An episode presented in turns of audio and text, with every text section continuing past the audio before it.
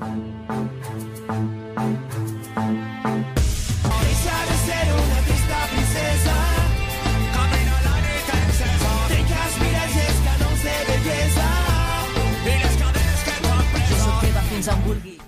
Bona nit, benvingudes de nou al Desfem, l'espai de Ràdio Sant Vicenç per trencar amb les cadenes i obrir les ments.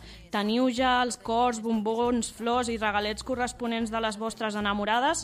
Alerta, ironia. Aprofitant Sant Valentí, avui parlarem d'unes cadenes ben fortes, el mite de l'amor romàntic i com aquest perpetua la submissió de la dona a l'home. Si a l'anterior desfem parlàvem de la necessitat d'ensorrar els cavallers i les princeses, aquest cop anirem una passa endavant. Destruirem les mitges taronges, la monogàmia imposada i l'amor romàntic. Deconstruirem alguns productes culturals que perpetuen les relacions heteronormatives i la submissió femenina. Analitzarem què suposa per la dona en la parella productes culturals mainstream com 50 ombres de Grey, Crepuscle o més castizament, Mujeres i hombres i viceversa. Ens posarem serioses i parlarem amb la psicòloga Aurora Leal per desengranar les conseqüències de l'amor romàntic per la identitat femenina, sobretot durant l'adolescència. Ens aproparem a la feina d'Ulleres per Escarrans, un projecte educatiu i didàctic que té com a objectiu descobrir els feminismes, masculinitats, educació per l'amor i educació afectivo-sexual. És dilluns 29 de febrer. Al control tècnic tenim el Lluís Vela. Us parla Sara Cabrera. Fetes les presentacions, comencem a trencar cadenes?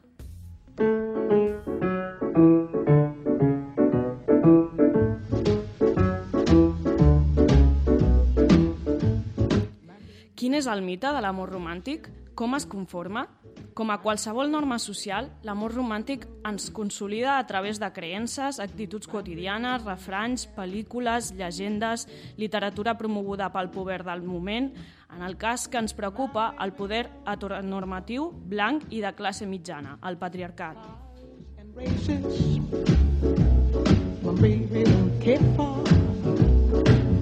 El romanticisme és un producte cultural que va començar com a fenomen al segle XIX, amb la venda massiva de novel·les roses i que es va consolidar al cinema de Hollywood. S'ha escampat per tot el planeta com una epidèmia cultural, com una manera única d'entendre les relacions afectives amb unes normes ben rígides. L'home salvador i autònom, les dones a la recerca constant de la cura del mascle, com si fossin infants i com a dependents. En paraules de la psicòloga Coral Herrera, l'amor ens ven com un estat permanent i ideal a través del qual arribar a la felicitat completa.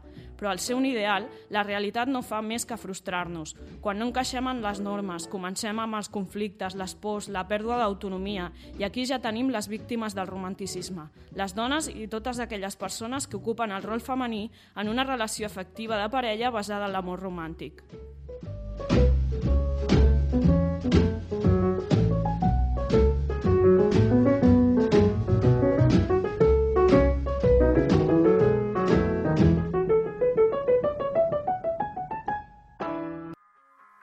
si no hay nada más, Jerry? ¿Y si nuestra vida se reduce a esto?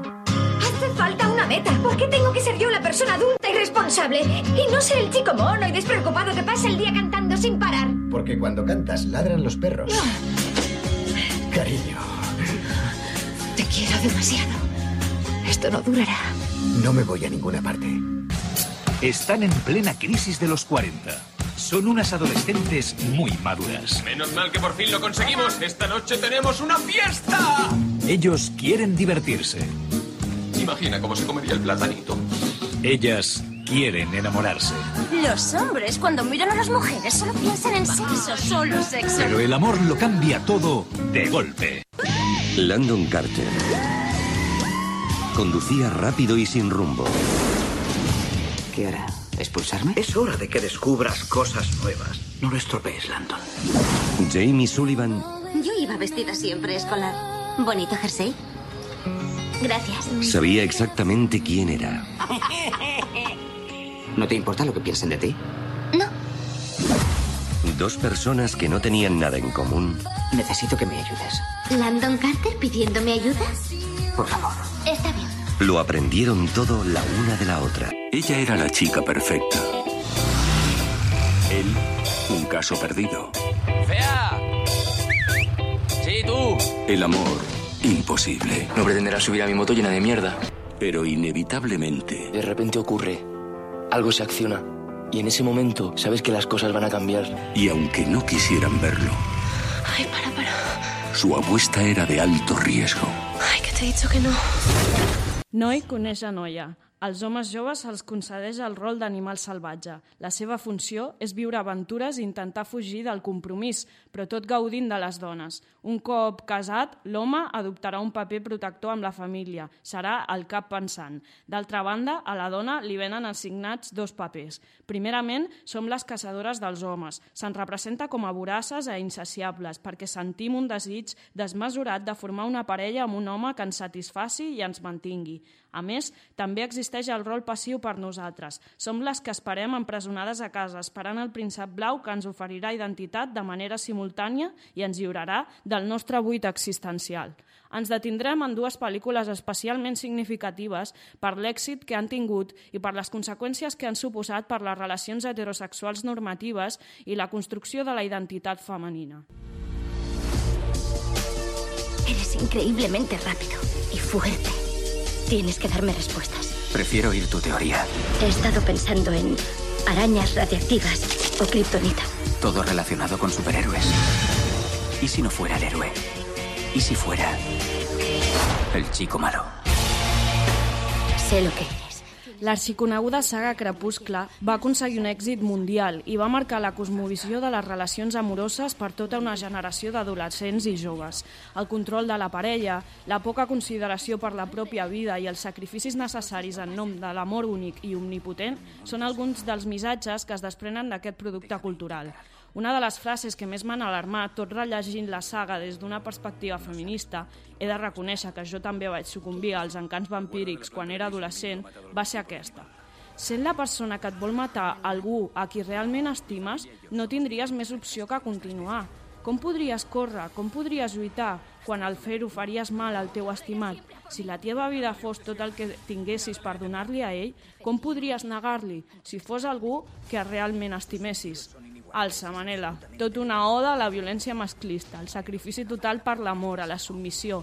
Jo, Sara Cabrera, una persona que molts definirien com a radical, quan vaig llegir la saga amb 17 anys, aquest masclisme amagat a la fantasia i al romanticisme me'l vaig menjar amb patates. Tela el que pot fer un simbolisme suposadament fantàstic i inofensiu per a la creació dels rols de parella.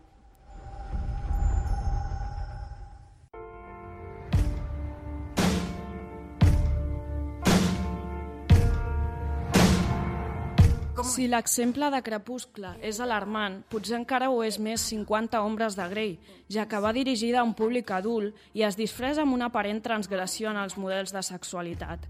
Quisiera saber más de usted. No hay mucho que saber sobre mí. Míreme. Lo hago. Anastàcia renuncia a la seva independència, canvia la seva manera de vestir-se, d'alimentar-se, les seves costums, tot per complaure el seu estimat. Tuve un comienzo duro en la vida. Deberías alejarte de mí. Però, ei, que al final ell s'acaba enamorant d'ella. Llavors el sacrifici no importa. Dos passejos en avió, un globus inflable i sortir a sopar fora un cop per setmana ho compensa tot. Tot bé, tot correcte. Si s'acaba enamorant, objectiu complet.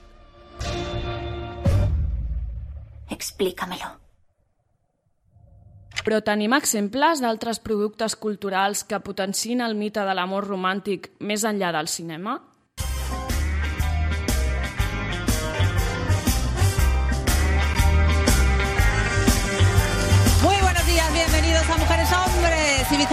Tenemos preparado a Labrador, a Lucas, a Alba y por supuesto a los asesores del amor, Nacho y Sofía. Aquí hem tocat en pedra dura, un dels baluars de la nostra magnífica televisió. El programa Mujeres i Hombres i viceversa és un dels productes de Telecinco amb més audiència a la seva franja. Porta 8 anys en emissió i és un exemple perfecte de les relacions de subordinació a la parella heteronormativa com a producte de la idealització de l'amor romàntic. Durant 8 anys, multitud de nois i noies han passat com a tronistes i pretendents pel plató del conegut dating show. Aquest producte ha servit de referent per programes posteriors com Quién quiere casarse con mi hijo o Un príncipe para Corina, realities que explotaran també el mite de l'amor romàntic. Noms com Rafa Mora, Tamara Gorro, etc etc resonen a l'imaginari col·lectiu de cada cop més adolescents i joves. Fins i tot un alienígena, Avatar, ha intentat buscar la seva noia terrícola ideal. No obstant això, vuit anys no han servit perquè es donés una recerca de l'amor no heterosexual i fora de les normes de subordinació del sistema setze gènere. A més, les característiques pròpies d'aquest reality encara potencien més els rols de gènere i els mandats heteronormatius degut a la perpètua vigilància. Judith Butler, filòsofa i una de les estudioses punteres actualment en temes de gènere, estableix que la norma només persisteix com a tal en la mesura que representa la pràctica social i es reidealitza i reconstrueix a través dels rituals socials diaris de la vida corporal. Què vol dir això? Això significa que les actituds, els cossos i les relacions que es fomenten al programa Mujeres i Hombres i viceversa són alhora reflex de les relacions heteronormatives romàntiques i també les performativitzen, és a dir, creen patrons a seguir. Si comencem a veure quin control es fa de la sexualitat dels participants, tot i que les normes del programa permeten que es facin petons entre tronistes i pretendents o pretendentes, es censura comportaments més promiscus quan es donen a les noies.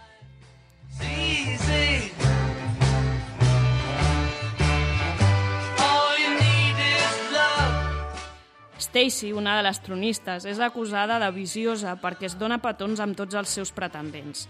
A la jerarquia sexual establerta pel programa, ella formaria part d'una tercera casta, heterosexualitat no reproductiva ni monògama, fora del matrimoni i, per tant, censurable. Quan es donen aquests comportaments en tronistes homes, l'atenció recau en la censura del comportament de la pretendenta i no en el d'ell. És el cas de Manu, que quan es dona petons a les primeres cites no hi ha cap tipus de censura i es retreu a les pretendentes el fet de que s'haurien d'haver fet respectar més. All you need is love.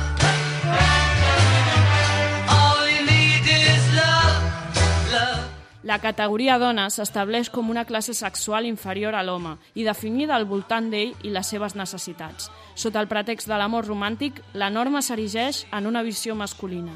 La sexualitat femenina com a agent actiu no es permet, és sancionada per la policia del gènere específica del programa, presentadores, assessors de l'amor i el que ells anomenen ganxos. All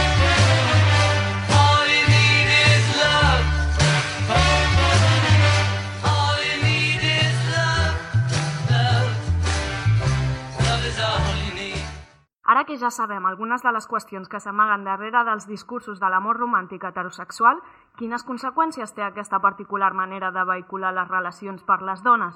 Per tractar-ho, avui comptem amb la participació de la psicòloga, docent del Departament de Psicologia Bàsica, Evolutiva i de l'Educació a l'Autònoma i membre de l'Institut Interuniversitari d'Estudis de Dona, Gènere i Ciutadania, l'Aurora Leal. Bona nit, Aurora. Hola, bona nit. Per començar, Aurora, si haguessis de definir el mite de l'amor romàntic, tenint en compte el teu bagatge professional des de la vessant psicològica, I el mite de l'amor romàntic, de fet, el primer que hem de saber és que va sorgir l'amor romàntic al segle XVIII i va ser una lluita, per dir-ho així, perquè la gent pogués casar-se per amor, perquè abans si es casava era perquè per arreglar famílies, per arreglar possessions, etc. I això, això ho hem de tindre en compte. El que passa que després van dir, bueno, vale, ara ja s'ha aconseguit això, però tot això es va després doncs, continuar eh, envolcat de tota la relació eh, del rol masculí-femení. I llavors, diguéssim, mm, continua igual, només que amb aquesta, amb aquesta etapa maca de l'amor romàntic, no? Llavors, de fet, el- l'amor romàntic està molt relacionat, naturalment, amb l'enamorament. Llavors, l'enamorament eh, implica que hi ha una idealització de l'altre, sense acabar-ho de conèixer a l'altre, a l'altra persona. I mm, una de les qüestions és que, mira, hi ha una, una, una frase d'un autor psicòleg que jo la trobo molt interessant, que és enamorar-se és eh, donar el que no es té a qui no és. És a dir, és el que no es té, el que tu no tens, ho dones a qui no és, el qual hi ha com una part de desconeixement i d'idealització. I Mhm. llavors, esclar, això, eh, diguéssim, és una cosa que s'aprèn des de la infància. Des de la infància perquè a partir de, de que els contes, la manera de parlar a les nenes i als nens, eh, les princeses, els prínceps, eh, totes aquestes coses, no solament és el contingut dels contes i de les joguines, sinó l'emoció amb la qual es transmet i a les nenes se li transmet d'una manera determinada com per il·lusionar-se, eh, emmirallar-se, etc etc. Mm -hmm. Ho iniciaves tu ara una mica amb el tema de les princeses i els contes dirigits a noies, però quines conseqüències psicològiques pot tenir per la dona una relació basada en l'amor romàntic? Bueno, doncs unes conseqüències, eh, una mica ja ho he començat a esbanyar, és a dir, per exemple, només que mires amb aquesta frase que es diu sin ti no soy nada, vull dir, ja implica una anul·lació personal i això és més, vull dir, és més el propi del rol femení, no? Totes aquestes cançons d'encadenada a ti, etc etc. tot això implica que llavors la, la dona es configura com que mm, està seduïda és, eh, està mirada només, es considera a partir del mirall que li fa l'altre. I llavors, doncs, les seves necessitats estan depositades amb l'altre. Mm -hmm. Té por a perdre la, la parella, però por a perdre-la perquè en realitat és perdre una part seva. Clar, això implica una dependència i una supeditació que cal, evidentment, doncs, que, que la dona mm, ho pensi i actui de manera diferent, perquè no compartir amb la parella sempre sembla que sigui una, una frase maldita. No, no, no, no. És que un pot compartir, però també és, és important no compartir. I això, diguéssim, una dona ho ha d'analitzar i ha de veure que, que és molt més enriquidor per ella, també, de fer això. Vull dir, aquesta idea de, de la fusió, la mitja taronja, totes aquestes coses que són de la nostra cultura de l'amor, evidentment implica que l'altre no, no et coneix ni et reconeix com a persona. I llavors això mm, la, la dona ho ha de tindre en compte perquè ella ha de construir-se a si mateixa, en relació amb ell i amb altres persones. O sigui que el món no solament és la parella, són les altres persones, les amistats, etc etc. i llavors situar-se i fer-se, sense emmirallar-se exclusivament amb una sola persona. Uh -huh aquest procés una mica que, que has descrit com de submissió per part de la dona, o sigui, l'amor romàntic té cabuda fora del patriarcat, aquesta submissió? Home, de fet, si considerem del patriarcat i abstraiem el més important, que és aquesta relació de, jeràrquica de domini etc. D'aquesta que l'home té un rol de que fa les coses importants de fora, la dona té el rol de que fa les petites coses de relacions a dintre. Així, estic esquematitzant, eh? No és que passi sempre així, però bueno, estic esquematitzant, no? De fet, eh, jo diria que amb qualsevol relació afectiva forta es pot donar, digue-li patriarcat, digue-li com vulguis, uh -huh. però vull dir, es pot donar aquesta relació de que un o una fa un, un tipus de paper que implica, diguéssim, qui pensa, qui decideix, i l'altre, doncs, que ho assumeix. Repeteixo, estic esquematitzant, no vol dir que això sigui absolutament blanc i negre. Mm. Però que és una cosa que, que s'ha de, de, un ha de pensar, especialment les dones, pensar en què està passant i actuar de manera diferent. Molts cops s'ha posat al punt d'inici de relacions en les quals hi juga un paper important la violència de gènere que l'amor romàntic és com l'origen. Quin paper hi juga la gelosia i la possessió en aquest tipus de, de relacions afectives? De fet, amb les relacions violentes, evidentment, hi ha moltes dones que queden absolutament trastocades, anul·lades, de tal manera que sembla que no puguin fer res. Clar, perquè això implica, doncs, durant molt de temps, que ho han anat assumint, aguantant, i llavors és, és molt dur. Uh, I és aquella frase, me pega però me quiere, Uh -huh. dir que hi ha coses com molt... que, que penses com és possible, no? Clar, la, les dones mm, que són maltractades i porten molt temps és una cosa com un corcó que passa durant a poc a poc, es va fonent, aprofundint, no?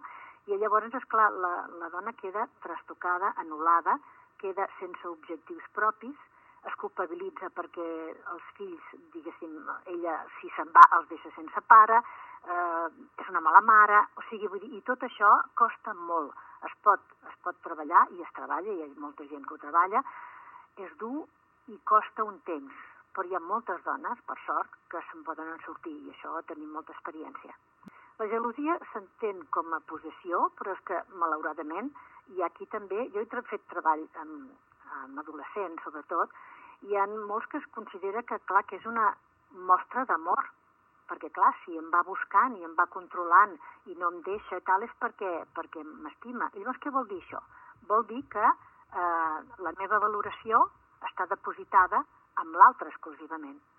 Llavors, és clar, en aquí mm, és curiós perquè, de fet, és veritat que eh, la, la, moltes noies, jo, jo he vist eh, amb, amb adolescents que, que reclamen dins el seu espai propi. Reclamen i una, em diu alguna, diu alguna, una, una relació desitjable seria aquella que, que ell em deixés fer les meves coses. Fixa't que diu em deixés, no? O sigui, que em deixa, el qual implica ja una jerarquia. En canvi, vull dir, els nois, alguns ho admeten i diuen sí, sí, ella necessita sortir amb les seves amigues i tal, però jo l'haig de protegir. És a dir, mm, a poc a poc es va obrint una mica això, es va obrint. Hi ha noies que ho veuen molt clar i es planten no? Però és lent, vull dir, no, no és una cosa de cop. I Mm. llavors als nois els hi costa a vegades d'entendre-ho, perquè necessiten... Eh, ho disfracen una mica amb la qüestió de protecció. Uh -huh. En una relació heterosexual, com comentaves ara mateix, què hauria de fer l'home per no fomentar una relació de subordinació? A veure, l'home i la dona, eh, primer de tot, s'han de conèixer.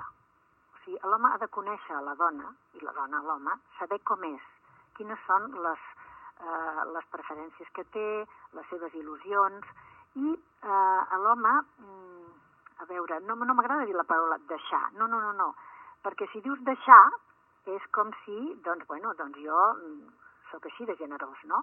No és això, no. En tot cas, és un i altre s'han d'estimular eh, a ser com cada un i cada una vol ser. Cada un i cada una vol ser. O sigui, vull dir, més aviat que ajudar-la a fer les coses que li agraden. I com he dit abans, les coses que no es comparteixen, doncs no es comparteixen i també és positiu. I la dona això, doncs, amb la nostra cultura ho té, ho té una mica més difícil per la nostra cultura de gènere, però és important reflexionar-lo i, mm, vull dir, prendre decisions en aquest aspecte i passar a l'acció directament.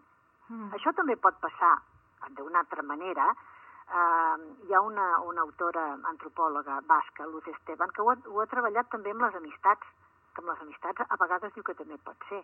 Uh -huh. Uh, és molt diferent, és un altre nivell, però, de fet, les persones tenim relacions de tot tipus i val la pena que les analitzem. Què volem de les relacions? Què, què ens importa? Què ens fa il·lusió? Què és el que rebutgem? Quines són les relacions que rebutgem i per què? I en una relació no heterosexual eh, es poden donar situacions de violència que parteixin d'una cosmovisió d'amor romàntic? Jo penso que sí, que es poden donar. Es poden donar relacions mm, molt semblants a les que hi ha en una relació heterosexual. Per què no?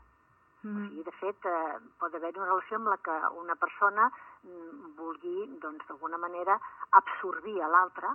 Això es pot donar. Per tant, vull dir, jo no crec que sigui una cosa exclusivament d'una relació heterosexual. Mm. Es pot donar. El que passa que les relacions homosexuals teòricament, en principi, també és com una, diguéssim, un voler trencar amb les normes, amb la qual, diguéssim, ja amb aquesta mentalitat de filosofia, de, de voler trencar amb les normes, doncs moltes vegades és, mo, és molt millor, perquè llavors s'ho proposen, no volen ser com no volen ser com la, la relació clàssica heterosexual, i llavors això els porta a fer unes relacions més equilibrades. Però en algun cas es pot donar també. Ens explicaves fa un instant que havies treballat amb adolescents, de fet el 2007 vas publicar un estudi que es titulava Nous temps, velles polítiques sobre l'amor i anava precisament sobre els conceptes de l'amor que es feia a l'adolescència. Quin paper hi juga aquest tipus de relacions per la construcció de la identitat femenina en un moment que sabem que és complicat per la conformació dels caràcters de les persones?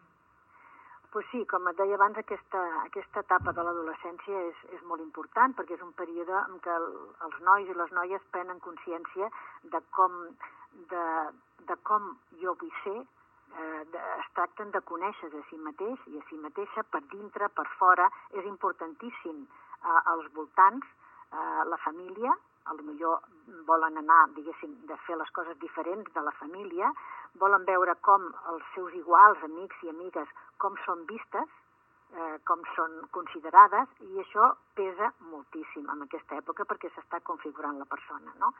Llavors, doncs, mm, en aquí, com et deia abans, l'exemple que et posava abans, doncs, eh, no sé, vull dir, hi ha, hi ha, recordo que hi ha expressions de el que consideren una relació d'amor eh, desitjable o no desitjable que són bastant curioses. Per exemple, una noia diu aquesta amiga meva està amb aquest noi per estar amb algú. Què vol dir això? Estar amb algú vol dir que, que és més ben vista si està amb algú amb algú vol dir un noi, perquè llavors per què és més ben vista? Perquè s'ha de valorar més. I s'ha de valorar mm, a davant d'ella mateixa, a davant dels altres, o no, o potser no s'ha pensat de que aquesta mateixa noia en aquest moment no li interessa cap noi, perquè té altres plans. Mm. Això generalment no es pensa perquè es diu, bueno, està amb aquest noi per estar amb algú perquè toca. O una altra noia que, que es, es veu com, mm, és una història que expliquen, no? Xateja amb un amic seu, a davant del nòvio, i el nòvio li diu, no, no, jo t'ho respecto, estupendo. Molt bé, però després ella li atribueix a la seva història que la noia ho fa i està contenta perquè el noi li respecta, però clar, està una mica culpabilitzada perquè clar, igual no estic prou per ell. És a dir, eh, hi ha, diguéssim, els adolescents i les adolescents sí que hi ha un cert avanç, però encara, sobretot amb les noies, hi ha un punt, hi ha un punt de, de que s'ha d'anar més enllà, que s'ha de reflexionar perquè et culpabilitzes, etc. I els nois també, vull dir, tenen a vegades com, eh, diguéssim, una idea de, de, de masclisme, que ells no hi volen ser, però també és perquè la idea de masclisme està a la nostra cultura, criticada, no? I llavors diu, no, no, jo no sóc masclista. És a dir, però bueno, és una cosa com explicacions a vegades que són com políticament correctes. Totes aquestes coses són interessants perquè impliquen que hi ha un moviment, però vull dir, no ens hem de descuidar. Mm -hmm. I si seguim parlant d'adolescents i joves, hi ha moltíssims productes culturals adreçats sobretot a noies d'aquesta edat. Bestsellers com 50 ombres de Grey o Crepuscle són un exemple. Però creus que hi ha altres productes culturals que s'allunyin sí. d'un model d'amor romàntic i que vagin més enllà? Que s'allunyin pocs, la veritat, pocs, eh? jo diria que, que no solament les pel·lícules, sinó fins i tot totes les qüestions comercials, vull dir, quan, mm -hmm. quan t'anuncien un viatge, doncs llavors és un viatge d'enamorats, etc. no? Eh, jo no sé, vull dir, eh, l'altre dia vaig veure una pel·lícula que la volia comentar perquè em va semblar un exemple d'amor respectuós, que és La xica danesa. Uh -huh. La xica danesa és, eh, el tema és sobre, és un cas real, sobre els primers anys dels anys 20 i pico del segle mm, passat, que llavors és un noi que, casat que es va transformant en noia, va sentint que, que es transforma en noia. A mi el que em va resultar molt interessant és la relació entre els dos eh, a mida que es va donant aquest procés. Jo la trobo que és d'un gran respecte, d'amor i respecte. Vull dir, jo trobo que aquest és un aspecte que em va sobtar, eh, vull dir, em va sobtar positivament, em refereixo, no? Ho dic perquè és interessant veure les pel·lícules en què dius, vaja, vull dir, en aquí, en un cas eh, tradicional, doncs ella s'hagués pujat per les parets, perquè, és clar, què passa, no? Mm -hmm. eh, bueno, destaca bàsicament eh, el respecte i l'estimació que, que es tenen, a pesar de la situació tan difícil. Creus que hi ha doncs, un intent des de la cultura, digue-li, mainstream o majoritària per començar a allunyar-se d'aquest model? Sí, algunes coses comencen a haver-hi. Passa que s'han d'anar buscant, a vegades mm, són trossos, són aspectes... Bueno, és qüestió d'anar-ho mirant, per mm -hmm. exemple. La pel·lícula Truman eh, també es veu una relació d'amistat entre dos homes, molt, molt bona amistat. Mm -hmm. Una amistat, diguéssim, de jo estic aquí amb tu, sé que t'has de morir i estic. Vic de llum i estic. Vull dir, per exemple, aquestes coses jo penso que són interessants que es posin de relleu. I ja per acabar, eh, actualment el tema del poliamor està prenent molta força. Creus que és una sortida per construir relacions amoroses més respectuoses? Jo penso que el poliamor, que implica unes relacions íntimes i sexuals eh, amb diverses parelles que es van creuant, etc, a llarg plaç, Eh, jo penso que és, és, és interessant perquè, en definitiva, implica un interès per una honestitat, un compromís, una visió del sexe diferent, abolir les, les jerarquies, fer un plan de futur diferent del que estem acostumats, no? eh, implica una crítica social important a la monogàmia, a la propietat privada, un, diguéssim, una cosa de grup. Clar, sortirà, no sortirà, no és fàcil, però penso que hi poden haver-hi, ja, ja comencen a haver-hi alguns estudis d'això, i, i és un repte, perquè Mhm. és un repte de, diguéssim, de viure unes situacions emotives i, i amoroses fora de lo que està establert, i això a vegades costa. Però, eh, vull dir, la gent que s'ho proposa, doncs és clar, és qüestió d'anar-ho treballant, d'anar-ho treballant. Jo penso que qualsevol cosa que sigui fora de la norma, que sigui, diguéssim, positiva, constructiva, i que realment la gent sigui feliç, penso que pot ser interessant, per suposat. Mhm. Doncs psicòloga, docent del Departament de Psicologia Bàsica, Evolutiva i de l'Educació i membre de l'Institut Interuniversitari d'Estudis de Dones, Gènere i Ciutadania, Aurora Leal, moltes gràcies per aquesta visió diferent sobre l'amor romàntic. Moltes gràcies a vosaltres i bona nit. Bona nit. Doncs precisament per trencar amb els estereotips femenins al voltant de l'amor romàntic us presentaré a Les Vulpes, un grup punk dels 80. La cançó, des d'un to sarcàstic, que ningú se m'espanti, sisplau, ensorra tot el que se suposa que ha d'esperar una noia d'una relació de parella. Perdoneu per la qualitat del so, perquè és una cançó antiga i de difícil accés, però creieu-me, val la pena escoltar-la.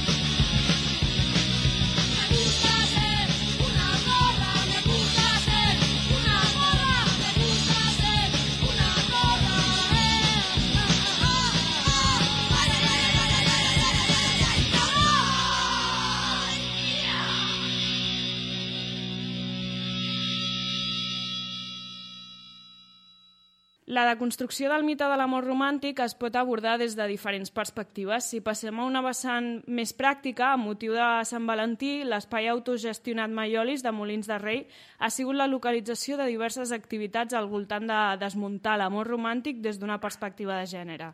Un dels tallers va tenir lloc el passat 19 de febrer i va estar conduït per Ulleres per Escarrans. Precisament avui comptem al Desfem amb la Mariona Zamora i la Mat Molero, coordinadores d'aquest projecte. Bona nit a totes dues. Per intentar abordar el tema de l'amor romàntic, començarem per la dinàmica que vau fer al Maiolis. En què va consistir exactament? Teòricament havia de ser un espai no mix, que al final es va transformar en un espai mix, no hi ha més, però, però bueno, el que vam començar a abordar, sobretot al voltant doncs, de l'amor romàntic, era una miqueta més enllà de, de tots els temes de les construccions, dels mites i tota la pesca, vam començar a parlar sobretot al voltant dels privilegis, les relacions de poders i com afectaven tot això a dintre de les pròpies relacions i sobretot doncs, sí, responsabilitzant molt a nosaltres, els homes, que, que som sobretot els més privilegiats. Uh -huh. I com, quines reaccions vau veure? La veritat és que va ser, bueno, va ser molt agraït perquè de veritat doncs, eh, les persones que hi érem i que hi vam assistir, tot això doncs, eren persones en si sensibilitzades i va ser més que res un espai per, per compartir, per intentar trobar eines d'alguna forma o altra per poder eh, gestionar, abordar i treballar dintre de les pròpies parelles, o sigui, Mhm. des d'una nit fins a més estables, tota aquesta, tota aquesta temàtica i hi havia sensibilització i per altra banda doncs sí, també hi havia sobretot molta consciència i ganes de prendre consciència de coses que a vegades doncs, no ens n'adonem. Uh -huh. Ulleres per Esquerrans, com heu hem pogut veure al vostre blog, sou bàsicament un projecte adreçat a educar en valors feministes i igualitaris. Com penseu que influeix el mite de l'amor romàntic en adolescents i, i joves? Doncs el mite de l'amor romàntic està present des de la socialització més, més primària, no? de quan els infants són més petits. Naixem en una societat patriarcal i aquesta ens influencia des de que estem a la panxa de les nostres mares fins que ens morim. Per tant, eh, és, és, està sempre allà present, no? I en, en l'entorn educatiu encara més, perquè sempre es treballa o s'acostuma a treballar molt amb referents molt heterosexuals, en els que hi ha moltes vegades aquesta relació entre nois i noies es dona al voltant no? de, del mite de l'amor romàntic, fins i tot en les relacions d'amistat. Per tant, està superpresent i és molt important treballar-la, no? de com podem establir relacions més sanes, relacions que no siguin de dependència, relacions que siguin curoses i que trenquin amb els estereotips. Uh -huh. Parlava fa un moment la Mat de, del paper privilegiat dels homes dins de les parelles heterosexuals i si aquest fenomen el veieu també en les edats més, mm, més joves, en els adolescents i en nens i nenes més petits. Doncs sí, sí, sí. Més que res, doncs, ho, ho veiem claríssimament perquè d'alguna forma existeix aquesta impressionant reproducció social que les dinàmiques de privilegis es mantenen. Nosaltres, com a homes, seguim mantenim moltíssims dels privilegis, no només en l'àmbit social, en l'àmbit laboral, en l'àmbit econòmic, sinó també en l'àmbit de parella, en la presa de decisions, en la participació, en les formes, fins i tot en la pròpia sexualitat.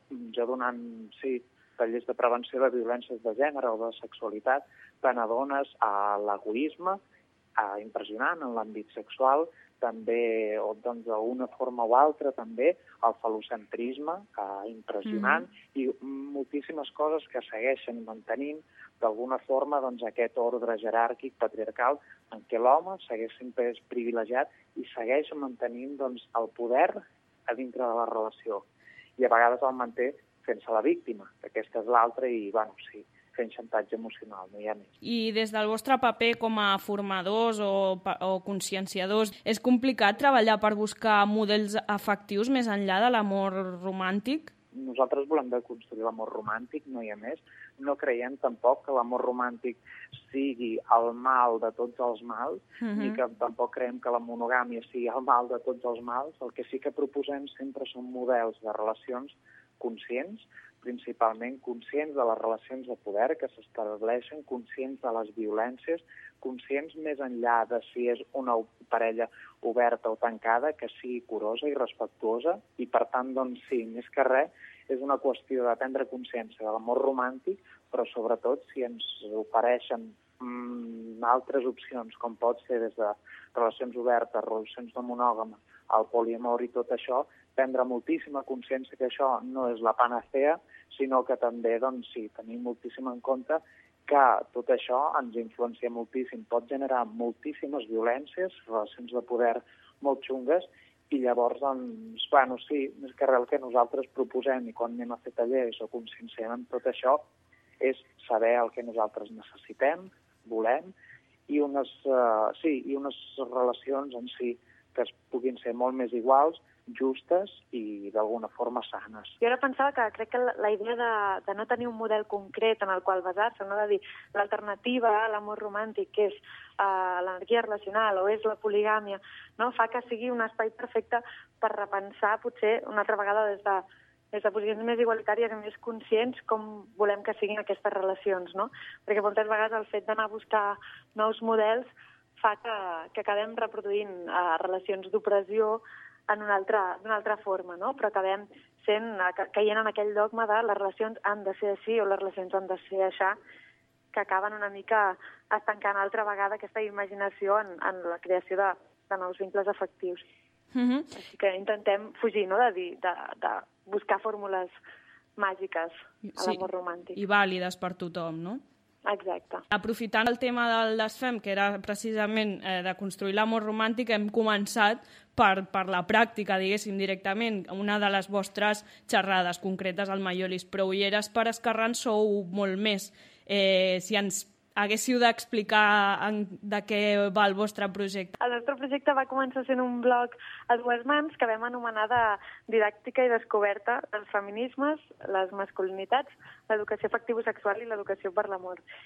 I des de llavors, que just fa un any ara, doncs s'ha convertit en, en un espai des del qual nosaltres podem fer formacions i des del qual podem crear i repensar-nos en clau feminista a nosaltres, com a persones també. I quins són els vostres objectius com a projecte? La idea és poder apropar tot el que és la teoria feminista i la teoria que versa sobre el que ser home, el que ser dona, a gent que a priori li pugui quedar lluny, que se li faci estrany el feminisme, que li costi apropar-se perquè pot ser molt acadèmic, perquè pot ser molt endogàmic, perquè fins i tot pot generar pors, i la idea és uh, apropar d'una manera molt didàctica, molt tendra, molt en primera persona, perquè arribi el màxim de gent possible. Ens heu parlat de formacions i tallers, també hem, hem parlat del blog, diguéssim, eh, però com treballeu? En què consisteix el vostre dia a dia? D'alguna forma o altra, nosaltres, eh, més enllà de destinar les hores o a ulleres per esquerrans, tenim les nostres feines fora d'això, però, Mm. bueno, més que res el dia a dia, ulleres per esquerrans és, per una banda, la destinació impressionant al blog, l'altra seria una miqueta al, al voltant de les formacions, educadors, educadores i a mestres, i que, per tant, creiem que és, sí, és per nosaltres l'aposta més gran i principal, perquè sí, creiem que d'alguna forma si conscienciem a mestres i educadores farem un treball en xarxa molt més gran, farem un treball amb major impacte i donar a nosaltres eines, consciència i noves mirades a tots aquests agents educatius el que fan és que llavors ells o elles en els seus espais de treball puguin transmetre-ho als infants Mhm. i als infants, joves, adults, amb qui estiguin treballant. I per altra banda, doncs sí, també anem fent tallers o algun moment algunes sí, intervencions més puntuals que potser sí que seria ja més d'atenció directa a joves, adults o depèn sí, del col·lectiu en què ens trobem.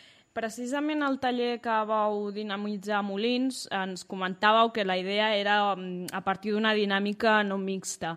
Eh, El tema d'espais mixtes i no mixtes és un debat obert dins del moviment feminista. Aprofitant aquesta qüestió com una mica eh, excusa per reflexionar-hi, quina posició teniu al respecte des de Ulleres per Esquerrans? Per nosaltres els espais no mixtes són molt importants, però també sempre que estiguin connectats amb, amb espais mixtes de trobada, no? És a dir, la potencialitat que tenen els espais no mixtes és que et trenques totalment amb les dinàmiques eh, relacionals que trobem en espais mixtes, d'homes i dones que reprodueixen la construcció social de la masculinitat i la feminitat i la relació que les caracteritza i, per tant, pots explotar al màxim, sobretot amb, amb infants i joves, quan hem tingut l'oportunitat de fer-ho, de, de trencar els estereotips, de superar-los, de trobar noves maneres de relacionar-nos no? i d'anar sovint aquelles parts de nosaltres mateixes que, que tenim més amagades, no? perquè les associem potser amb la masculinitat. I ara pensar, l'última experiència que vaig viure va ser amb, amb les dones de col·lectius del Maresme, col·lectius polítics, i va ser molt interessant perquè vam poder analitzar no, dinàmiques d'assemblees o de dinàmiques assembleàries només dones. No? Llavors van sortir coses molt interessants, si ja per una banda la part de presa de consciència uh, d'allò que es viu com a dones, de dir, ostres, això que em passa a mi no és només, no, només sóc jo, sinó que té a veure amb la nostra construcció social del gènere, i alhora fer una anàlisi comú d'aquest espai no? i de com el volem viure, de les Mhm. coses que no ens agraden i de, de la proposta que puguem aportar des de la diversitat de dones que som. L'altra veu potser és la veu més desagradable, penso jo, perquè com que sempre amb les temàtiques de gènere i com he comentat abans, els homes som els qui més que no crec que hi haguem de rebre cap càsting ni res d'això, sinó que el que hem de partir és de una presa de consciència impressionant, fer un pas cap enrere molt gran i sobretot fer una responsabilització molt gran i per tant doncs enmig sempre els espais a, a dintre doncs, de, de fer treball no mix és per adonar-nos d'alguna forma quin és el nostre paper que agafem, quin és el rol que agafem quan estem amb altres dones, quina és la forma en què nosaltres ens socialitzen i ens construeixen com a homes i, per tant, com això, d'alguna forma o altra, afecta de forma superviolenta cap a nosaltres mateixos, per una banda, amb tot el tema que es parla dels costos de la masculinitat, però sobretot cap a les altres bandes, d'alguna forma, des d'aixafar les altres persones pels nostres propis privilegis, com a homes, fins i tot amb el munt de violències de gènere entrant-hi també doncs, qüestions com poden ser l'homofòbia o qualsevol tipus de LGTBI-fòbia. Uh -huh. I llavors, doncs, per tant, és un espai molt de presa de consciència, compromís i responsabilitat on, on sí, moltes vegades vas a tocar a punts desagradables, eh, sí, que prens consciència més que res de moltíssimes coses que tu dones per suposada, que tu dones per sentada i llavors, doncs, sí, exacte. Potser trobem aquest espai una miqueta més desagradable, però sobretot intentar-ho fer doncs sí, un espai de curós també, respectuós, i d'intentar, doncs sí, d'alguna forma o altra, buscar més el compromís que no pas el, la culpa. Uh -huh. I ja per acabar, per totes aquelles que ens estiguin escoltant i els interessi el vostre projecte, com poden contactar amb vosaltres o llegir sobre el que feu?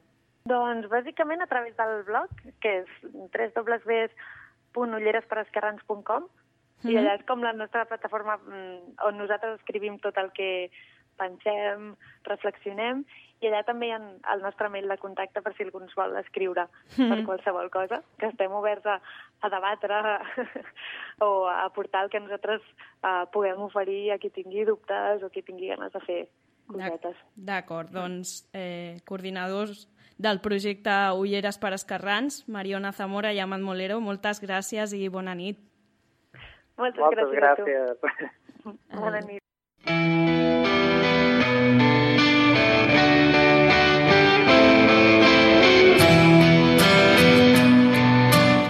Després de fer un repàs per alguns productes culturals que perpetuen l'amor romàntic i de parlar amb professionals que estan intentant canviar dinàmiques afectives, ha arribat el moment de la reflexió. El romanticisme és el mecanisme cultural més potent per perpetuar el patriarcat. La lluita contra la violència masclista ha d'incloure la consolidació d'altres models de relació. Cal que ens adonem que l'amor romàntic és una decisió política i econòmica.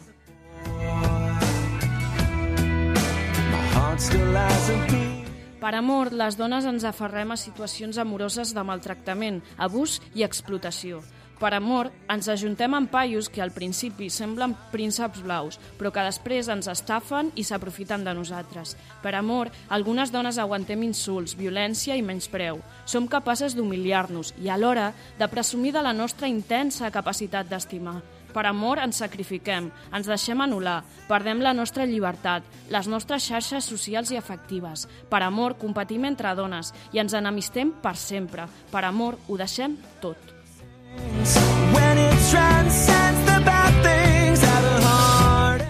Aquest amor, quan arriba, ens fa dones de veritat, ens dignifica, ens fa sentir pures, ens eleva per sobre de la resta de mortals. Aquest amor no és només amor, també és salvament.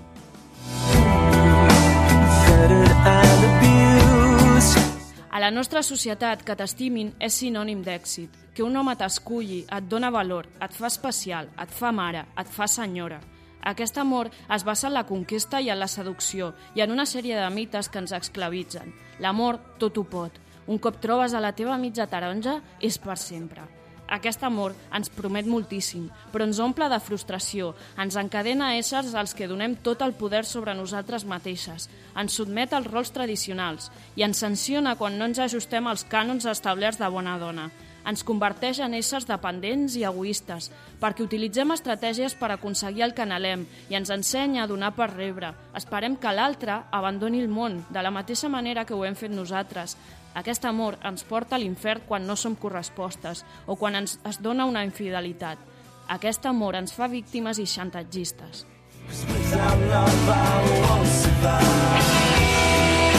Però aquest amor no és amor, és dependència, necessitat, és posta sola, és masoquisme, és utopia col·lectiva, però no és amor. El romanticisme patriarcal és un mecanisme cultural per perpetuar el patriarcat molt més eficaç que les lleis. La desigualtat, en aquest cas, està als nostres cors. Estimem des del concepte de la propietat privada i des de la base de la desigualtat entre homes i dones. La desigualtat econòmica per raons de gènere ens porta les dones a la dependència econòmica i sentimental.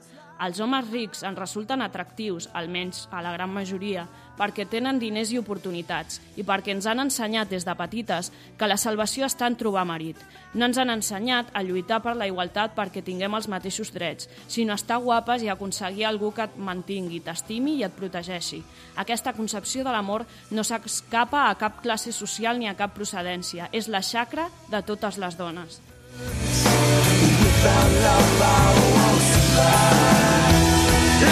La parella és el pilar fonamental de la nostra societat. Per això, Hisenda, l'Església, els bancs i altres institucions penalitzen la solteria i promouen el matrimoni heterosexual. Quan l'amor acaba o es trenca, ho vivim com un fracàs i com un trauma. A les noies dolentes no només les odien els homes, sinó també les dones, perquè desestabilitzen tot l'ordre amorós d'harmonia quan prenen decisions i trenquen els lligams.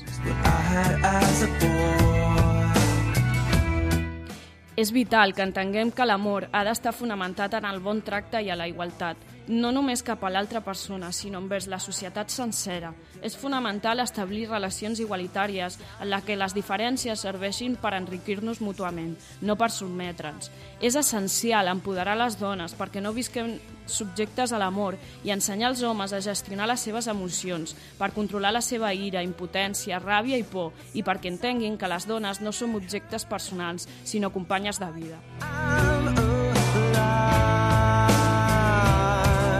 És de primera instància un canvi social i cultural, econòmic i sentimental.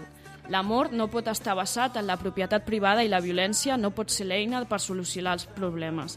Les lleis contra la violència de gènere són molt importants, però han d'anar acompanyades d'un canvi a les nostres estructures emocionals i sentimentals. Hem de trencar la monogàmia com una aposta política. Davant d'una infidelitat, les mirades apunten cap a tothom menys cap a la institució monògama, l'únic pacte social que es manté intocable, vinculat necessàriament a l'amor.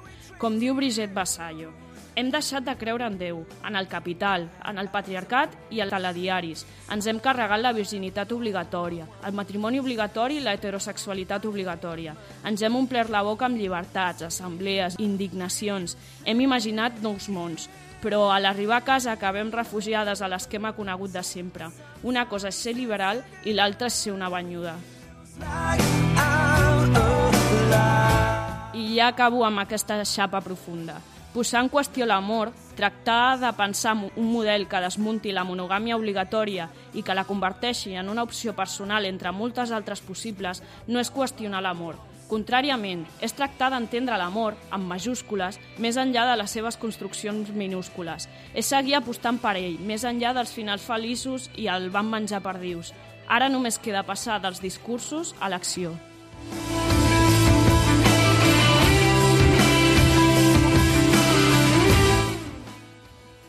Fins aquí el desfem d'avui. Ens tornem a trobar l'últim dilluns de març per trencar amb les cadenes, ja ho sabeu. Bona nit.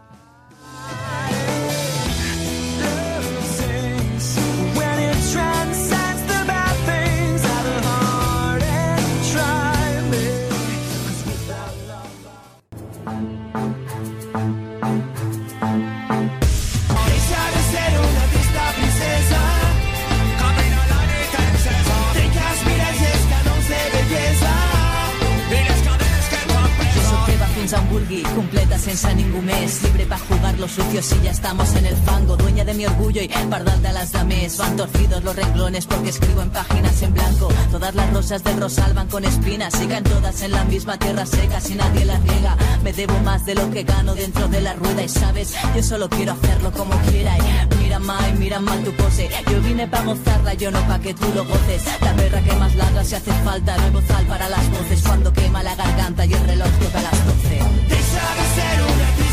princesa do.